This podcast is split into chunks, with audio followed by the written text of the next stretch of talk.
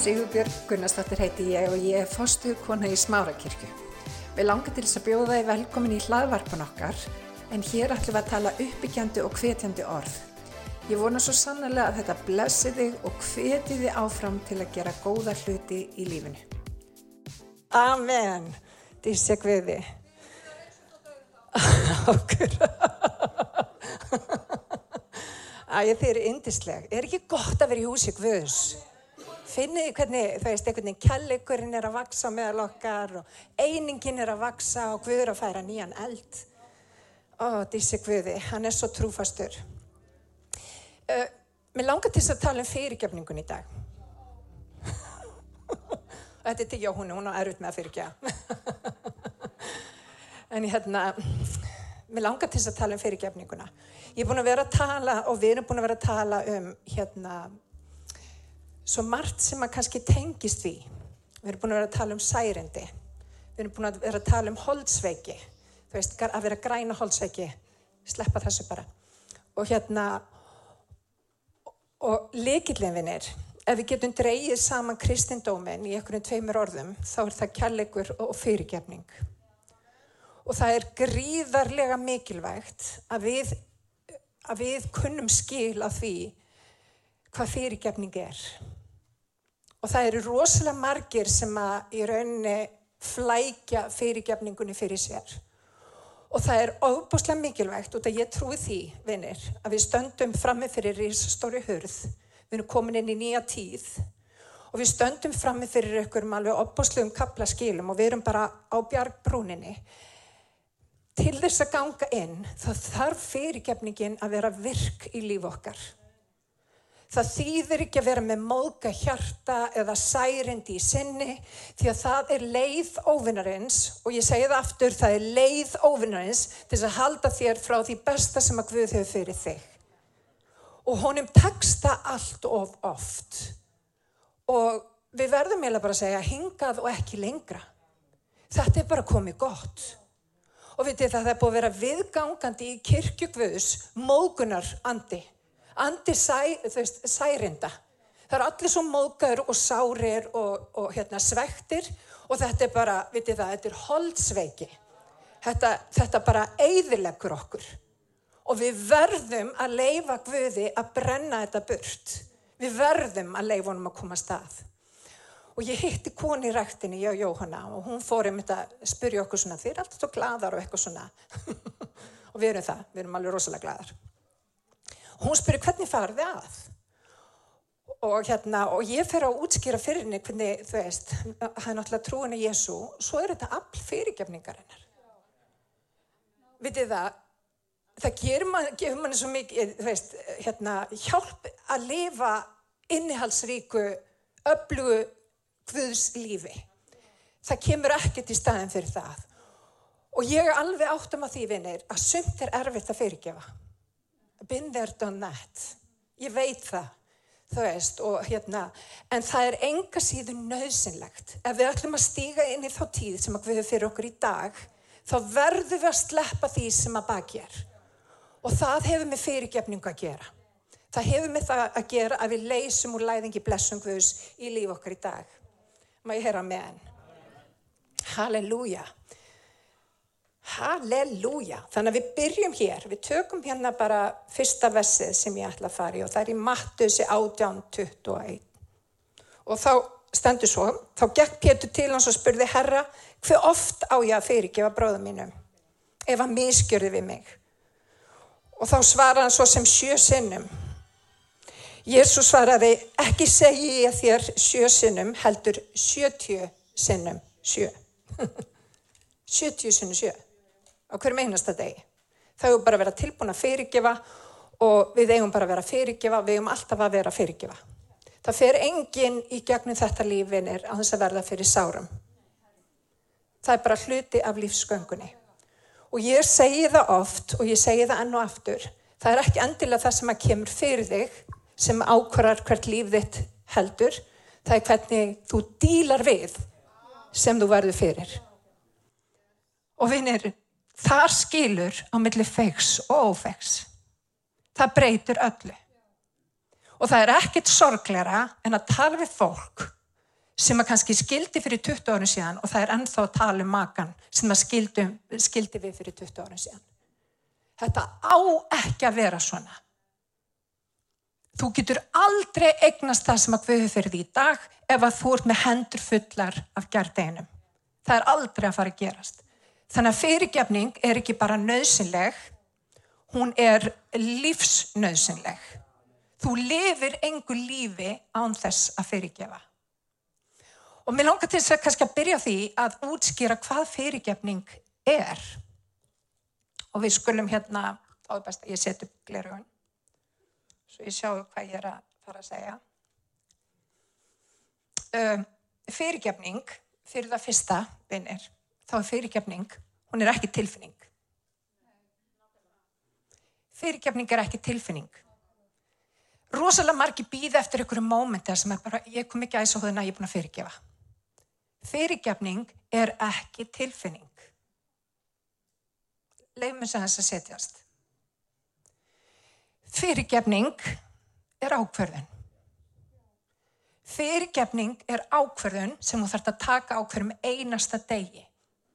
Fyrirgefning réttlætir ekki brot sem hefur gert gagvart þér. Það hefur ekkert með það að gera. Og það réttlætir svo sannarlega ekki eitthvað skonar ofbeldi eða þaðan að verra. Það réttlætir ekki neitt slíkt. Fyrirgefning er fyrir þig. Það leysir þig úr viðjum þess sem einhver hefur gert á þinn hlut. Það er fyrirgefning. Fyrirgefning leysir úr læðingi upprísukraft Jésu.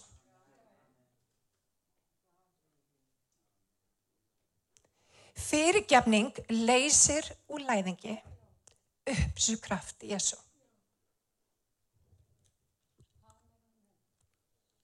Halleluja. Fyrirgefning hefur allt með þig að gera og lítið með þann sem að gerða eitthvað á þinn hlut. Fyrirgefning hefur í för með sér traust á Guði. Traust að Guð muni sjá um að viðkomandi mun uppskera það sem hann hefur til sáð. Fyrirgefning er trúarskref. Og þegar ég útskýrði fyrir þessari vinkonu minn í rektinni hvað fyrirgefning var, þá fór ég mitt svolítið út í þetta. Fyrirgefning uh, fyrir mig er kannski auðveldar en fyrir marga, marga aðra sem ekki trúa. Ég trúi því að allt samverkið er góðs. Líka hræðilegar kringustæður geta samverka með til góðs. Líka ömulegar aðstæður geta samverka með til góðs. Ég trúi því líka að Guð hefur allt vald bæða heimna og jörðu. Og ég trúi því að hann haldi öllu uppi með krafti máta síns. Og þegar ég sleppi tökunum og segi drottin, ég ætla bara að gefa þér þetta, þá er ég líka að lifta upp nafni Jésús yfir mínum kringumstæðum. Ég er að taka trúaskref. Ég er að gera það sem ég á að gera og veitir það, með því leysir þú úr læðingi kraftakvöðs sem að þú verð ekki séð í lífiðinu áður. Það er leindardómur falinn í fyrirgefningunni. Og vinir, við í kirkjugvöðs þurfum að vera rosalega fljóta fyrirgefa. Hætta móka svona öðurlega. Fara bara að fyrirgefa eins og bara enginn sem morgundagurinn. Bara fyrirgefa, fyrirgefa, fyrirgefa. Og við veit að ég er alltaf að fyrirgefa. Ég á nefnilega erfið að maka.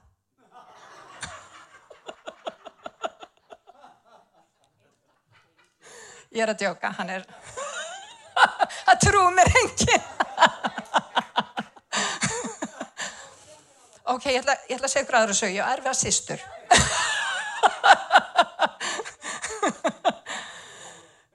en sko, vitið það, fram á ákunni tímapunkt í mínu lifi, þá hafði ég allt á hotnum mér. Það er kannski erfitt að segja það núna, þetta ég er svo frjáls og glöð. en ég hafði einu sinni allt á hotnum mér. Það var þannig. Þetta þurfti að verða ofinberandi kraftur í mínu lífi. Og vitið í dag, vitið það, er best í heimi að finna það hvernig fólk hefur ekki vald yfir mér. Mér er, mér er alveg sama hvað ykkur finnst. Nei, tjók. ég, ég segi það nú kannski ekki. En ég er einhvern veginn álit fólks skiptir mig alveg opbúslega litlu máli og það er svo mikið frels í því. Þannig að hérna, ég ætla bara að gera það sem Jésu hefur sagt mér að gera. Og ég vil þótt að fólk finnst ég verið kjánaleg, may it be so. Ég get alveg verið kjánaleg. Ég bara elska það, allt fyrir Jésu. En ég bara finna vinnir á okkurni tímapunkti, data eins og sögunni, hérna, þá var, þá, þá var ofinbörn í mínu lifi gagvart þessu. Ég var bara hann reyð, ég var bara fann að finna til í líkamannum, það er það sem að reyði ófyrirgefning getur gert. Hún bara, þetta er eins og krabba meini í líkamannum. Það fyrir að breyðast út og, og það enda með því að það kemur svona framsóldi í líkamlegum enginum. Það getur verið streytuvaldur, það getur verið ofar blóðfristingur, það getur verið jáfnveil bara, veist, beinverkir og ég veit ekki hvað og hvað og hvað. Og um leið og við sleppum vinnir, um leið og við sleppum og erum tilbúin að leifa við að koma að, hann hefur indi á að mæta okkur. Hann hefur indi á að leta byrðum af okkur. Og það hann segir, komið til mín allir þér sem erfið hafið og þunga byrðar og ég mun veita yfir kvíld. Og við erum að taka okkur hans okk. Og við ætlum kannski aðeins að fara meira út í það. Halleluja. En fyrirgefning, hún leysir úr læði upprisu kraft Guðs í lífinu. Hvað meina ég með því? Skulum fara í Lúkasakveðspjall í 2003. kapla, í 34. vers. Og þarna er Jésús á krossunum. Hann er bara á krossunum, hann er að deyja. Það er verið að drepa hann. Það er verið að stinga hann allstaðar og hvað segir hann? Fadir, fyrirgef þeim, þegar þið veit ekki hvað þið gera. Og ég veit ekki um verk okkar sem að myndi gera það sama í þessum kringustöðum. Ef einhver væri komandi að móta okkur og væri hreinlega að drepa okkur, hvort að við myndum gera það sama. En ég skal alveg lofa ykkur því að það er tilgangur með þessari setningu á þessum stað, á þessum tíma, í þessum atbyrði. Því að ekki laungu setna, þá var þann drefin. Hann dó fyrir syndir okkar, hann dó fyrir syndir mínar, hann dó fyrir syndir þínar og vitið það, upprisu kraftu Guðs fylgir þessu. Hann fylgir nákvæmlega því þegar við deyjum, veist, því sem hefur verið gert við okkur, sípa kom inn á um, síðustu helgi við þurfum að deyja, já, við þurfum að deyja. Við þurfum að deyja egon okkar. Við þurfum að deyja ég um mig frá mér til mín Við þurfum að deyja, ég veit allt best. Við þurfum að deyja hrókanum.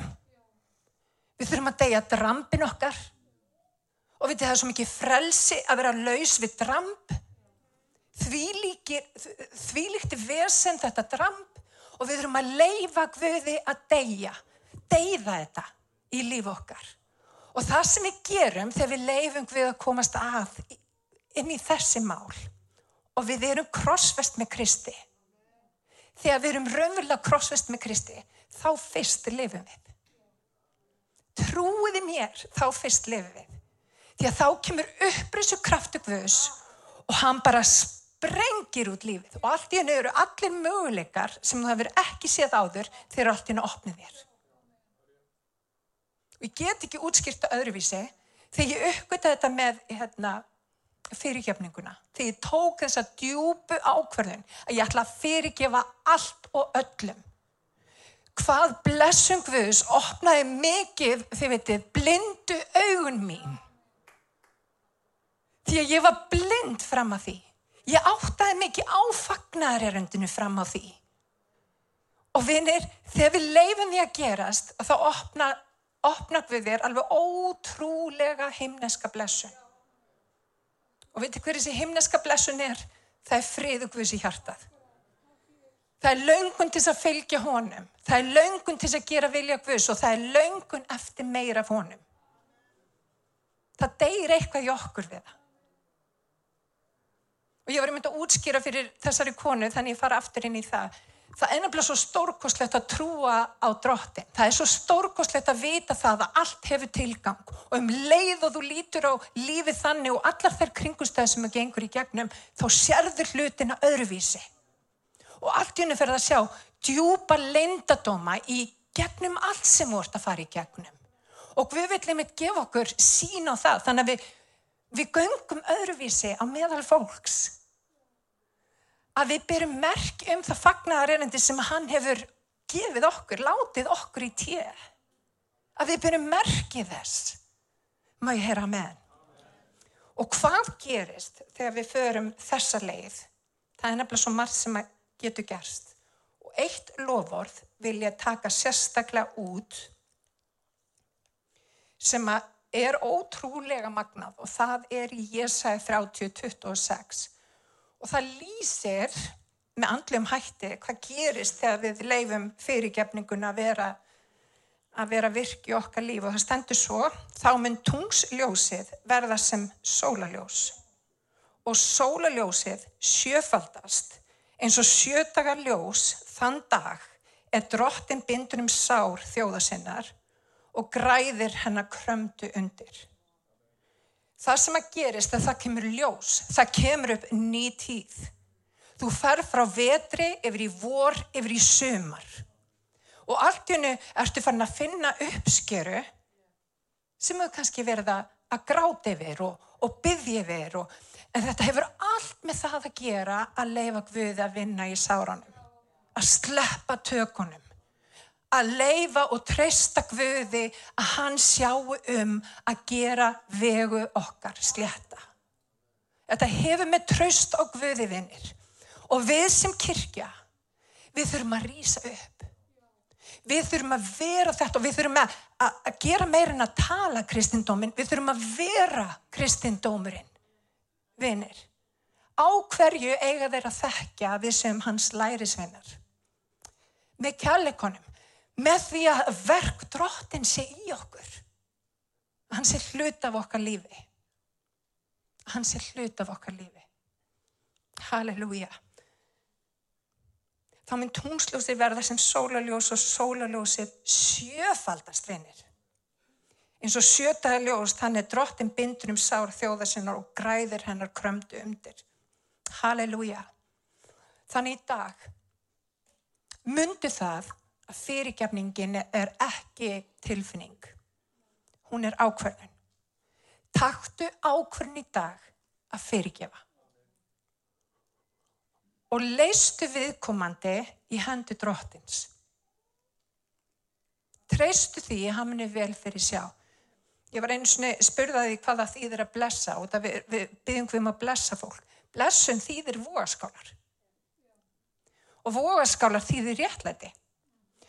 Við erum alltaf að byggja um réttlæti Guðs í líf fólks. Þannig að þegar við blessum fólk, þá erum við ekki eins og brúsól mæti þar sem að fekk allar sínar óskir uppfylltar.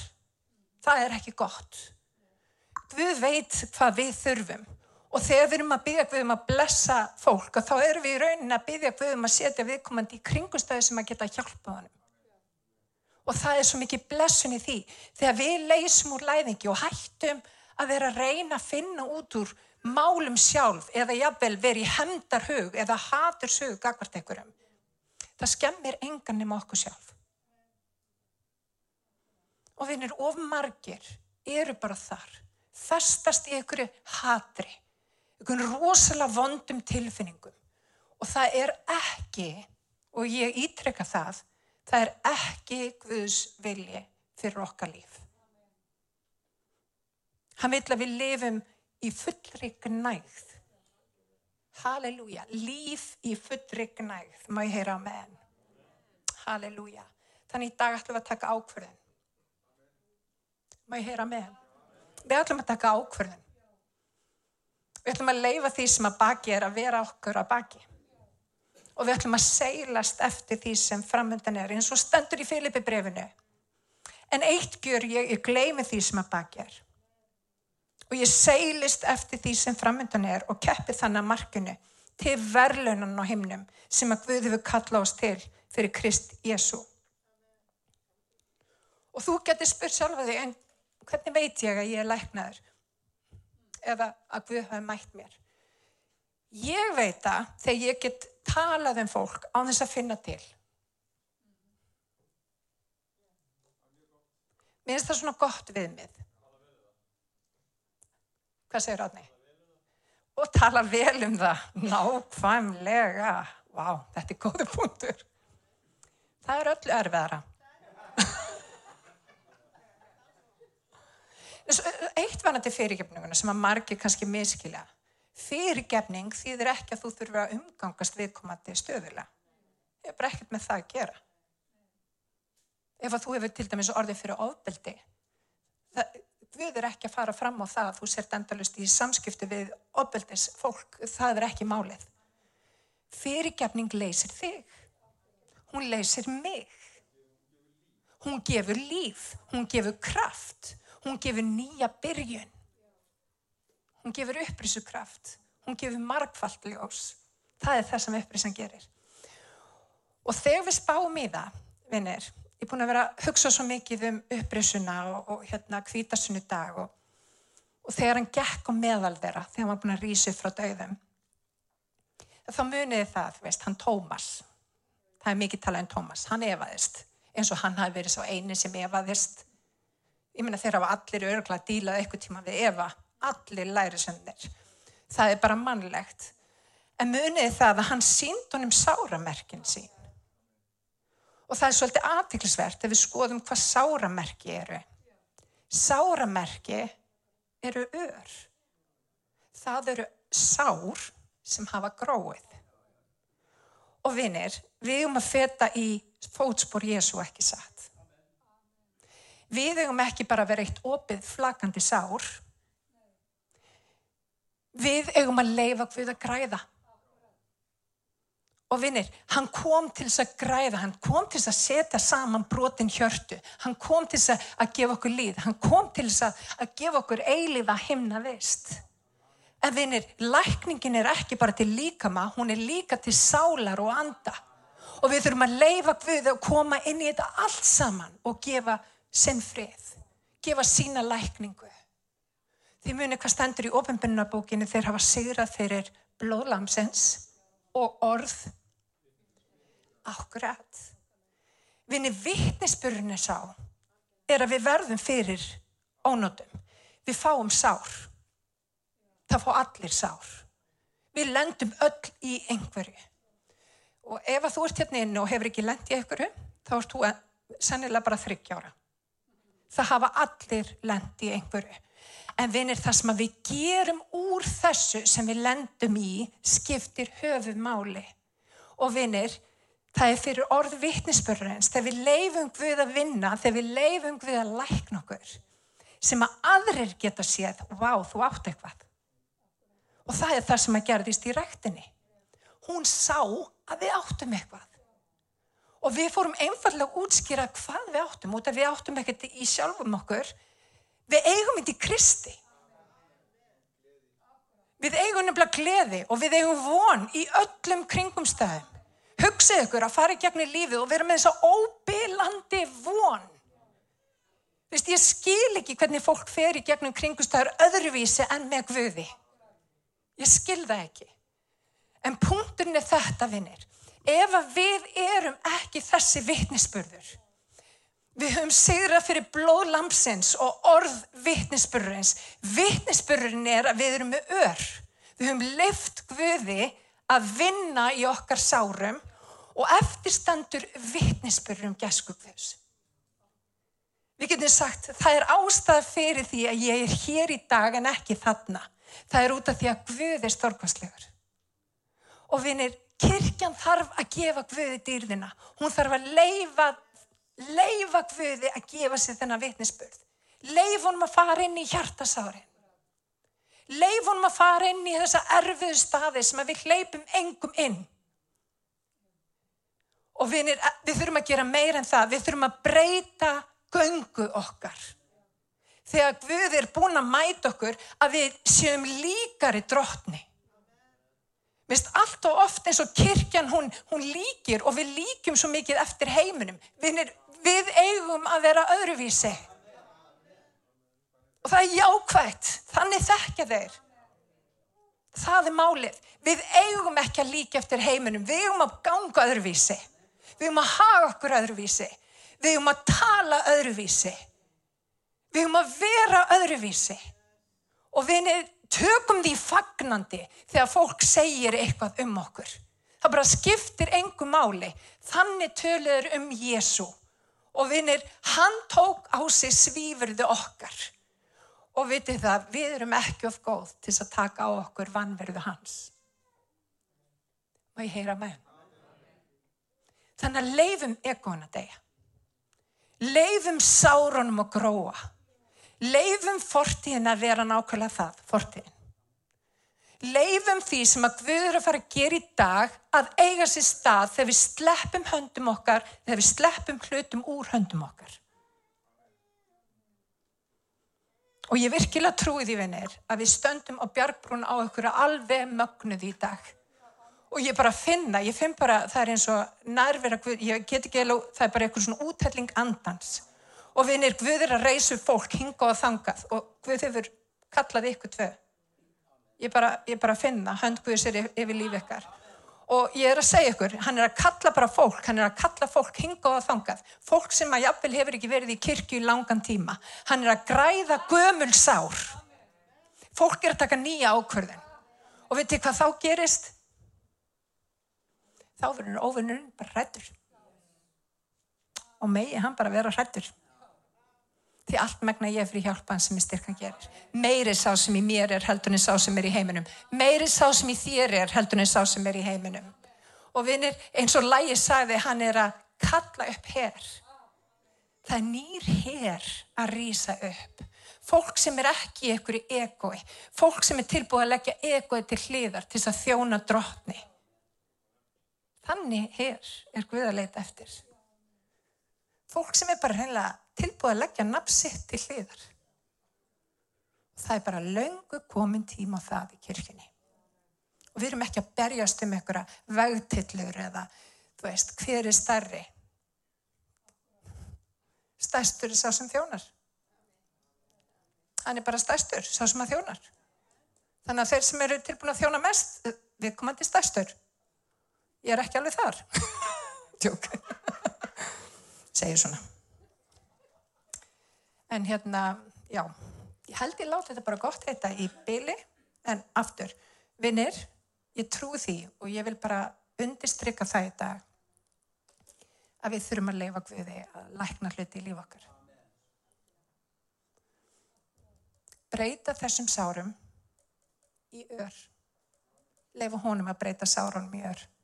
Halleluja, bahæja. Halleluja. Heilar Jésús, heilar Jésús. Drottin við bara komum fram fyrir þig. Ég þakka þér Jésús. Að þú ert okkar herra. Þú ert okkar húsbandi. Þú ert okkar pappi. Þú elskar okkur. Drottin ég byrjum að koma, drottin fyrir anda þinn og snert okkur eitt og sérvert. Ég byrðum að leið okkur, Jésús. Ég byrðum að leið okkur að fætur, við fætur þínar. Ég byrðum að taka sér hverja byrði.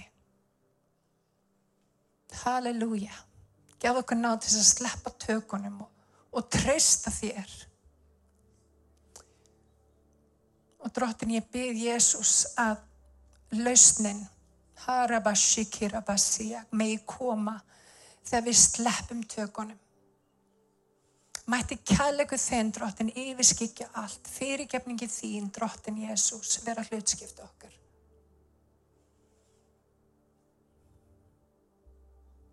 Halleluja. Hjálp okkar að fyrirgefa eins og okkur hefur verið fyrirgefið.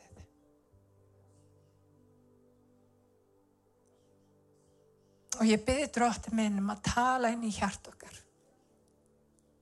Ef að það er eitthvað sem að sittur eftir, eitthvað sem að við höldum í drótti minn, að við mættum fá náð að setja það á alldarið.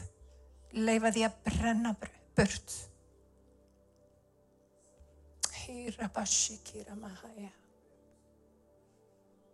Og ég byrði drótti minn, Jésús, að gefa okkur um leið við sleppum þessa miklu von. Halleluja. Uppmætti ljúka strótti minn Jésús. viljið þinn fyrir okkur daginn í dag. Ég hveti til þess að stilla inn á okkur með reglum hætti því að hér verður alltaf eitthvað nýtt á nálinni. Takk fyrir að hlusta.